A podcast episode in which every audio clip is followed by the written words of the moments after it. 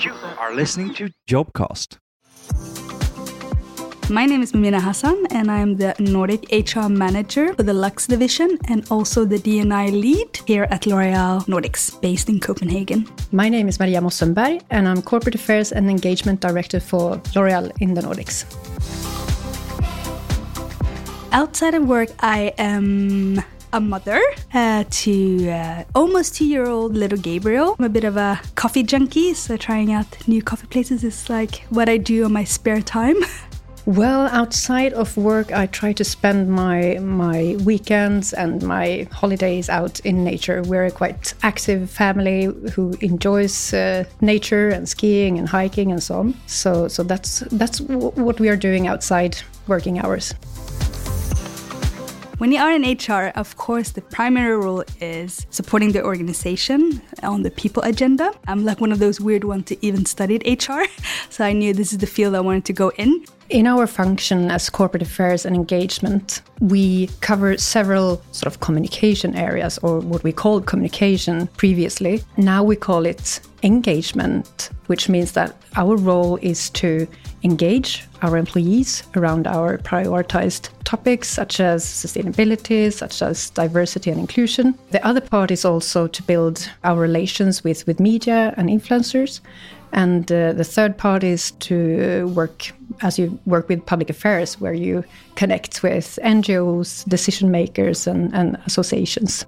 In my role as a HR manager, yes, I am meeting interesting people every day. Not only are there our employee who sits in marketing or finance, operation, or the customer service, but who are they behind the roles? HR's role is obviously to take care of our employees, to make sure that they feel well, you know, well taken care of. Our role at corporate affairs is to engage our employees around our prioritized topics. And that is an area that we are obviously working very close together with the HR team.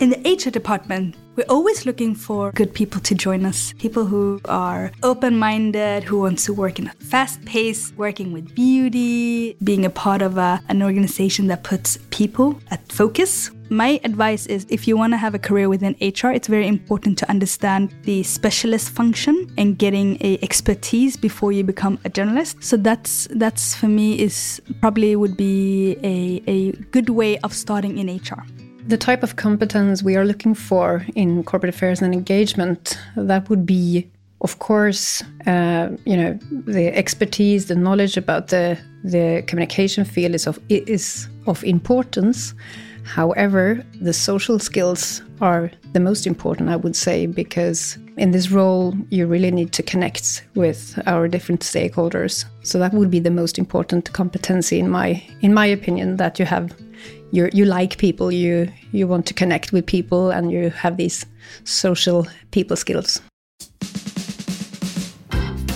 One of the things I love about L'Oreal, we have uh, one of the mantras saying, a company is not made based on walls, but it's uh, all about the people, people, people. So I think the people agenda is very high, not only in HR and not only in the leadership team, but across. You get to work with all these amazing people. You know, there's a lot of passion and drive and this entrepreneurial spirit. And I think that we have a really unique company culture. And uh, also, when talking about working for the beauty industry, I think that, well, some might think that beauty is something uh, superficial and just about looking good.